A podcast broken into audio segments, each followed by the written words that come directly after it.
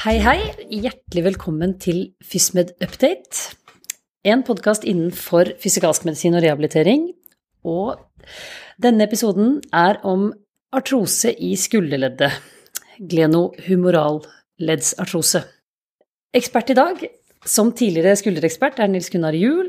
Han er overlege og ph.d. ved fysikalsk medisin på Ullevål. Skrevet masse bøker og en ytterst god formidler generelt, og særlig innenfor skulder. Så jeg tenker at dette kan jo du noe om, Nils Gunnar. Det var en veldig hyggelig introduksjon, da. Så jo, jeg ser en del eh, pasienter med dette, og har jo lest litt om glenomurale så det sitter jo litt etter hvert. Ikke sant? Og som en liten start, kan ikke du bare si litt sånn Hva er, hva er GH-artrose? I, I, prinsippet er det jo en eh, artrose som andre artroser. Altså det vil si at det er en leddsykdom som affiserer ikke bare brusken, men affiserer også eh, andre strukturer som eh, leddkapsel og til dels litt muskulatur og, og eh, kanskje slimposen i leddet. Og så blir det en smertefull tilstand da, altså hvis du har en klinisk lenomuralesartrose som, som er vond å leve med, og du får stivhet i skulderen din. Mm. Og vi er jo, i hvert fall jeg som mer uerfaren, er jo vant til å tenke på artrose i de andre leddene, men eh, er dette vanlig, da? Nei, altså, det, det, er jo kanskje det som gjør det litt interessant, eh, at det er så lite vanlig. Fordi vi er jo vant med artrose i hofter og knær og fingre, og det er jo en stor andel av befolkninga over 60 år som har. Mens i skulderen så er det ganske mye sjeldnere, egentlig.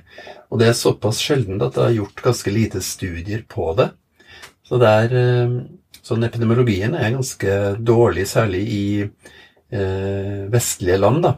Eh, mens du har noen få studier i østlige land, sånn fra generell befolkning, som viser at eh, kanskje 5% av den generelle befolkninga over 60 år har eh, artrose radiologisk i glenomeralleddet.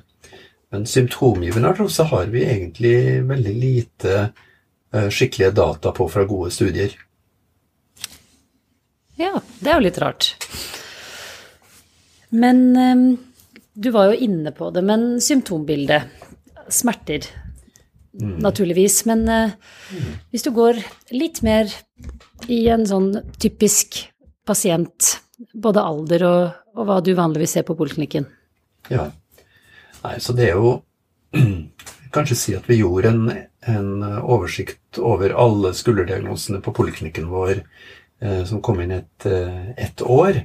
Og da så vi at eh, for de over 70 år så var glenomeralesartrose den hyppigste diagnosen, sammen med eh, store rupturer i rotatokuffen når det gjaldt skulderen. Da.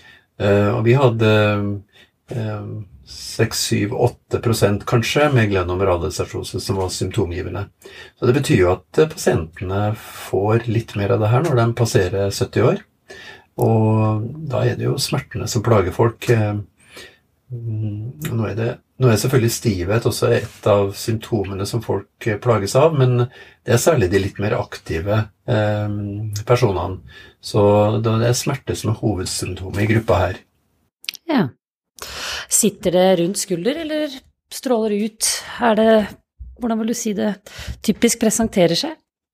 Det er veldig, eh, veldig typisk at det kjennes inni skulderen. Det er liksom hovedsymptomet. Og så er det en del pasienter som klager på at det smeller.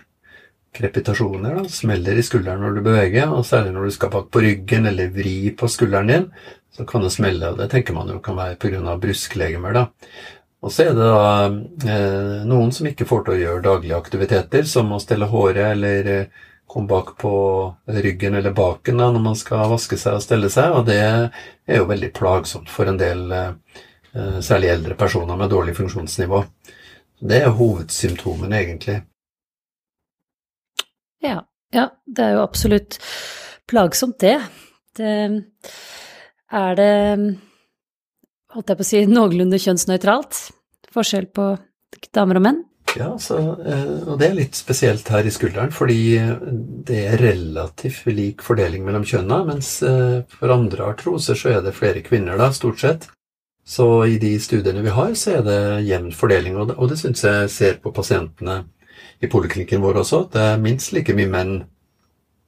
Så hvorfor det er sånn, det er ikke godt å vite egentlig.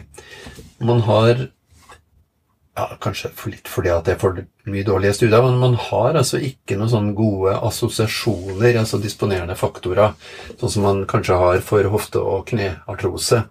Så det vi vet, er jo at de som har gamle skader eh, i skulderen, de utvikler jo lettere artrose. Og de som har en ødelagt rotatorcuff, de eh, utvikler artrose. Da kaller vi det køffartropati. Og så er det selvfølgelig infeksjoner og ja, krystallartritter osv. som begynner å gå over mot revmatisk sykdom. da. Så det er litt, litt annerledes. Diabetes disponerer f.eks. ikke for skulderleddsartrose, og heller ikke tyroidias sykdom. Hva med kapsulitt? Nei, det er ikke Altså, ikke sett noen sikker sammenheng eh, mellom kapsulitt og artrose, så det er jo veldig bra, for det kunne man jo tenke seg. Og hva med Du sa traumer, men eh, man har kanskje heller da ikke noe sånn spesiell sikker sammenheng mellom yrkesanamnese eller idrettsanamnese heller? Tenker spydkaster eller mm. Mm.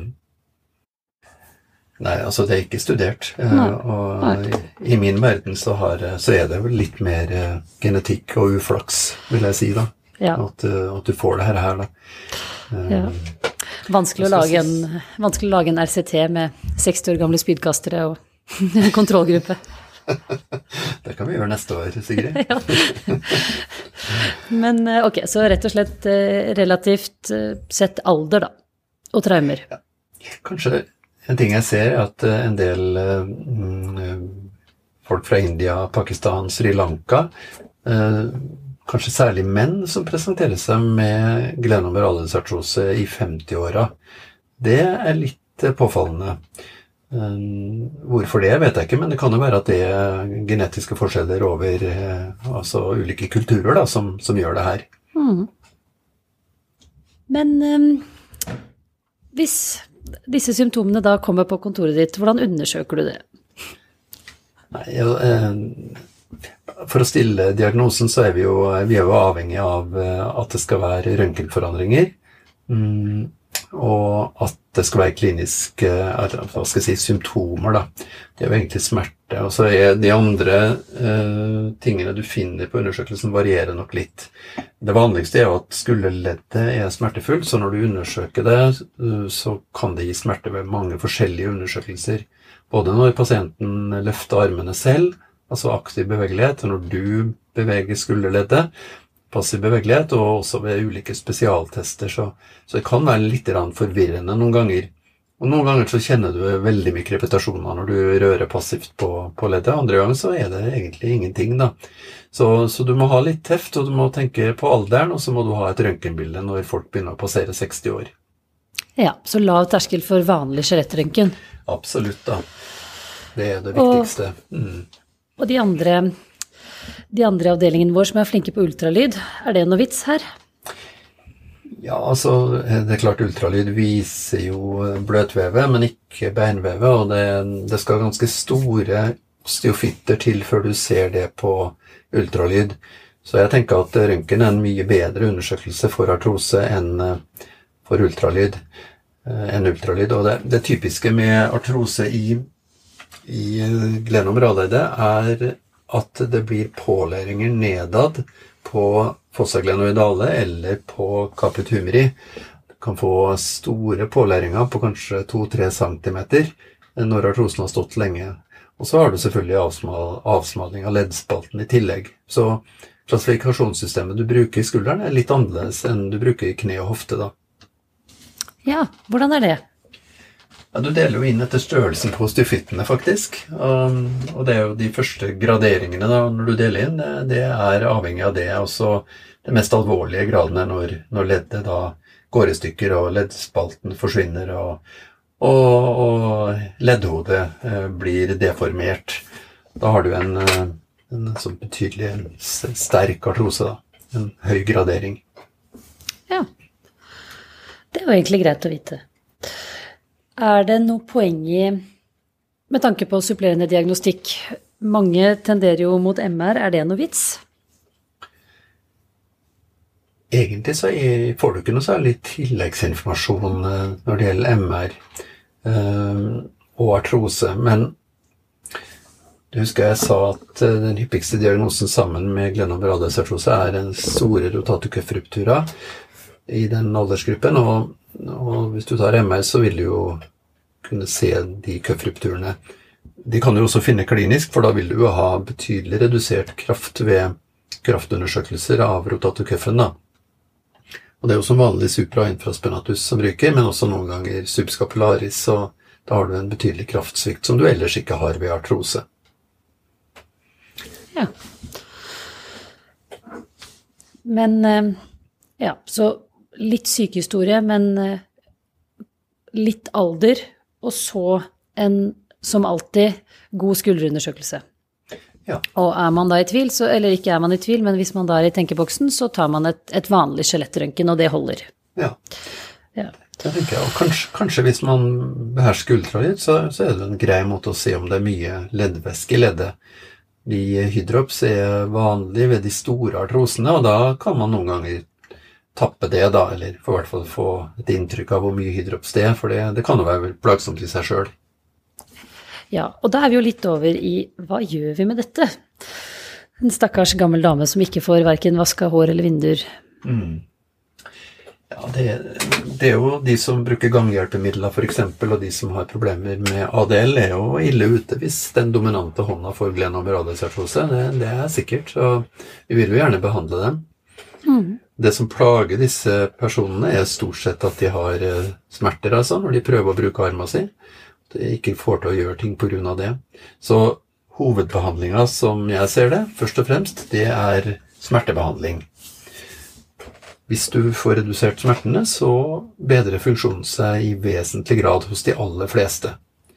Og det kan være god nok behandling eh, i seg sjøl, at man trenger ikke å gjøre så veldig mye mer enn å gi smertebehandling. Er det noe spesielt du tenker på da, eller um, altså type er det Hva pleier du vanligvis å bruke? Tabletter, injeksjoner eller andre options? Ja. Altså mm, Vi har noen anbefalinger i eh, disse oppslagsverkene som er tilgjengelige på Helsebiblioteket, f.eks. Up to Date, eh, som gir eh, anbefalinger som jeg syns er gode, som passer godt med praksisen som vi gjør, da. Og det er først og fremst å informere pasienten om at de har en artrose, og at de skal være litt forsiktige med å belaste skulderen sin alt, altfor tungt. da. Spesielt de yngre aktive må kanskje få litt råd om det. Men samtidig må de få råd om at den skulderen godt kan brukes. da. Det er ikke sånn at du har fått diagnosen artrose, og så er du ferdig. Det er ikke sånn. Du må faktisk kunne bruke skulderen, og den kan du bruke veldig godt hvis du er smertefri, da. Og så er det neste å redusere smerte, og det er litt avhengig av hvem du har foran deg. Råd om å ise ned leddet hvis det blir vondt. Kanskje ta Ibux og Paracet i perioder. Det er jo grunnlaget for smertebehandlinga. Og hvis de har mye vondt, så, så er det jo intraartikulær steroidinjeksjon eh, som er eh, det aller beste. Og da, da, er det gjort noen studier på det som viser at 20 mg triamcinolon f.eks. av lederspann eh, er god behandling. Og det kan du godt gi et, et par ganger for å, for å bedre smertesituasjonen. Da. Ja. Og hvis man ikke kommer i mål her, da blir det vel en telefon til ortopedene? Ja, så det opereres jo en god del eh, artroser med Ja, ortopedene har jo til stadighet nye operasjonsmetoder som er mye bedre enn de gamle, og det har også kommet noen nye, fine eh, proteser da, som, som, gjør at du kan få bra funksjon i skulderen din, selv om rotatorcuffen din ikke er helt på topp. Så, men det beste er jo selvfølgelig å ha en velfungerende rotatorcuff hvis du skal uh, sette inn en protese. Men eh, man ønsker å holde igjen så lenge som det er mulig med det, fordi det er, det er en litt vanskelig operasjon, og det er jo komplikasjoner her som, som andre, til, andre ledd. Da, så jeg tenker man skal være litt tilbakeholden. Ja, og det er vel en annen prognose på en skulderprotese enn en hofteprotese? Ja, for det første har vi jo mye kortere oppfølgingstid. Og disse nye protesene som kommer, så får man kort oppfølgingstid på de nye også. Så vet man etter hvert ikke så, så veldig mye. Men for enkelte personer er det jo veldig fint, og det er jo smertekirurgi først og fremst, at du får bort den smerten. da. Da kan man tenke seg kanskje at de kan trene, da, eller få kiropraktikk, eller noe sånt. Men, men i min erfaring er at eh, fysioterapi er en tilleggsbehandling for å bedre muskulaturen og kanskje få, få bedre forhold i thorax og interskapulærleddet, og eh, også få, få skulderbuen som helhet til å fungere litt bedre. Det er ikke noe lett å trene opp artrosen, på en måte. Det, det tror jeg ikke. Nei. Nei. Det er jo dessverre en, en relativt irreversibel prosess. Men eh, hvis man eh, skulle tenke litt på prognose og hvordan dette her går Går det fort? Går det sakte? Mm. Vet du hva, det lurer jeg faktisk på. det foreligger jo Det er jo et sørgelig kapittel når det gjelder studier på lønn- og Det fins jo ingen prognostiske studier, som jeg kjenner i hvert fall. Ehm, så vi vet egentlig ikke hvordan det går, om, om eh, noen klarer seg med litt smertebehandling, og at eh, de ikke trenger noen protese, eller om det går fem år, eller Så her har vi noe å forske på. Og, det som også er ganske leit, at det fins ingen eh, randomiserte studier mellom konservativ og operativ behandling, og knapt nok studier på, på konservativ behandling med injeksjoner og vanlig aktivitet. Så, så det er et veldig dårlig utforska område, det her. Så der, der blir vi svar skyldige, altså. Her er det rett og slett bare å få noen midler, og så sende mail til deg. Og så Nei, men det er, jo, det, er jo, det er jo synd. Det er jo sånn innenfor mange felt at vi, vi vet for lite. Men eh, du var litt inne på det. Men eh, pasienten har kommet, og vi har en anamnese og en, og en passende undersøkelse og et røntgen. Men eh, kjapt, bare med tanke på differensialdiagnoser. Mm. Ja, nei, man må jo alltid være litt, litt obs. Og det er jo først og fremst eh, full tykkelse, altså store rotatorcuff-rupturer som man må, må, se litt opp for. Eh, delvis for at det kan gi mulighet for en eh, annen behandling, og så kan det gi en annen forståelse for pasienten. Eh, og så har det jo dessverre litt eh, økt forekomst av systemsykdommer da, når du blir eldre. og da er det jo revmatiske sykdommer, nyresykdommer, infeksjoner, en og annen tumor. Det er veldig sjelden, da, men det er en og annen tumor i, oppi skulderbuen også, så man må tenke litt bredere når det gjelder eh, DIF-diagnostikken. Mm. Ja, og eh, hvis man satt som fastlege og har mistanke om dette Et røntgen er jo greit å rekvirere, men eh, hva tenker du om fastlegens både oppfølging og eventuelt behov for henvisning? Mm. Det kommer jo veldig an på kompetansen til, til, fastlegen, fordi det er jo relativt sjelden tilstand. Og, og sånn som eh, vi ser på, på henvisende leger til vår avdeling, så er det noen som er ganske flinke, og noen som er, blir litt sånn engstelige fordi at det foreligger en artrose, og, og henviser ganske, ganske tidlig, da. Så, men jeg tenker jo at uh, hvis man klarer å stille diagnosen, så kan man jo følge disse pasientene ganske lenge. og og det å sette en steroidinjeksjon, det, det klarer jo de fleste fastleger. Man, man, må ikke intraartikulært. Eh, man kan godt sette steroidinjeksjonen i skulderen uten ultralydveiledning og få like god effekt på, på eh, artrosesymptomene som, som med ultralyd. Da. Så jeg tenker behandle smerte og funksjon, og så hvis dette blir usikkert, så kan man henvise til en eh, spesialistpoliklinikk for en vurdering. da. Ikke sant. Og dette blir jo som i så mange tilfeller at det er litt skjønnsmessig, både hvilken, hvilken fastlege og hvilken pasient som er på det kontoret. Mm. Men, eh, men, en god smertelindring, som er jo essensen her, er jo ofte fastlegene vel så gode på som oss. Ja, det er jeg helt enig i. Så Ja, nei, men eh, da Hvis vi Vi har jo vært gjennom det meste, men en bitte liten oppsummering vil da være at uh, artrose i skulderleddet er litt mindre vanlig enn i de andre store leddene, men ikke en sjelden sak. Og risikofaktorer er veldig ukjent, men hovedsakelig alder og tidligere traumer. Symptomene er jo hovedsakelig smerter, sitter i skulderleddet og etter hvert også en bevegelsesbegrensning. Klinisk undersøkelse blir som alltid at man må kartlegge aktiv og passiv bevegelighet, og særlig hvis man da finner en passiv stopp, så er man jo kommet langt. Eh, supplerende diagnostikk, hovedsakelig et planrøntgen, og behandlingen er god informasjon, god smertestilling, og hvis smerteproblemet blir for stort, så skal man vurdere kirurgi, men ikke før. Mm, det syns jeg var en veldig god eh, oppsummering. Ja. Prøvde å vri hodet om det var noe mer, men um, om ikke annet så er i hvert fall det en god start. så kan vi jo, sånn som vi har eh, snakket om tidligere, legge ut på siden vår både de fine filmene du tidligere har lagd om skulderundersøkelse, og så kan vi jo eventuelt linke til litt generell info rundt dette, kan vi ikke det? Mm, det kan vi gjøre. Så bra. Nei, men da sier vi takk for oss og mm. artrose i skulderleddet. Ja. Ha det bra. Ha det. Thank you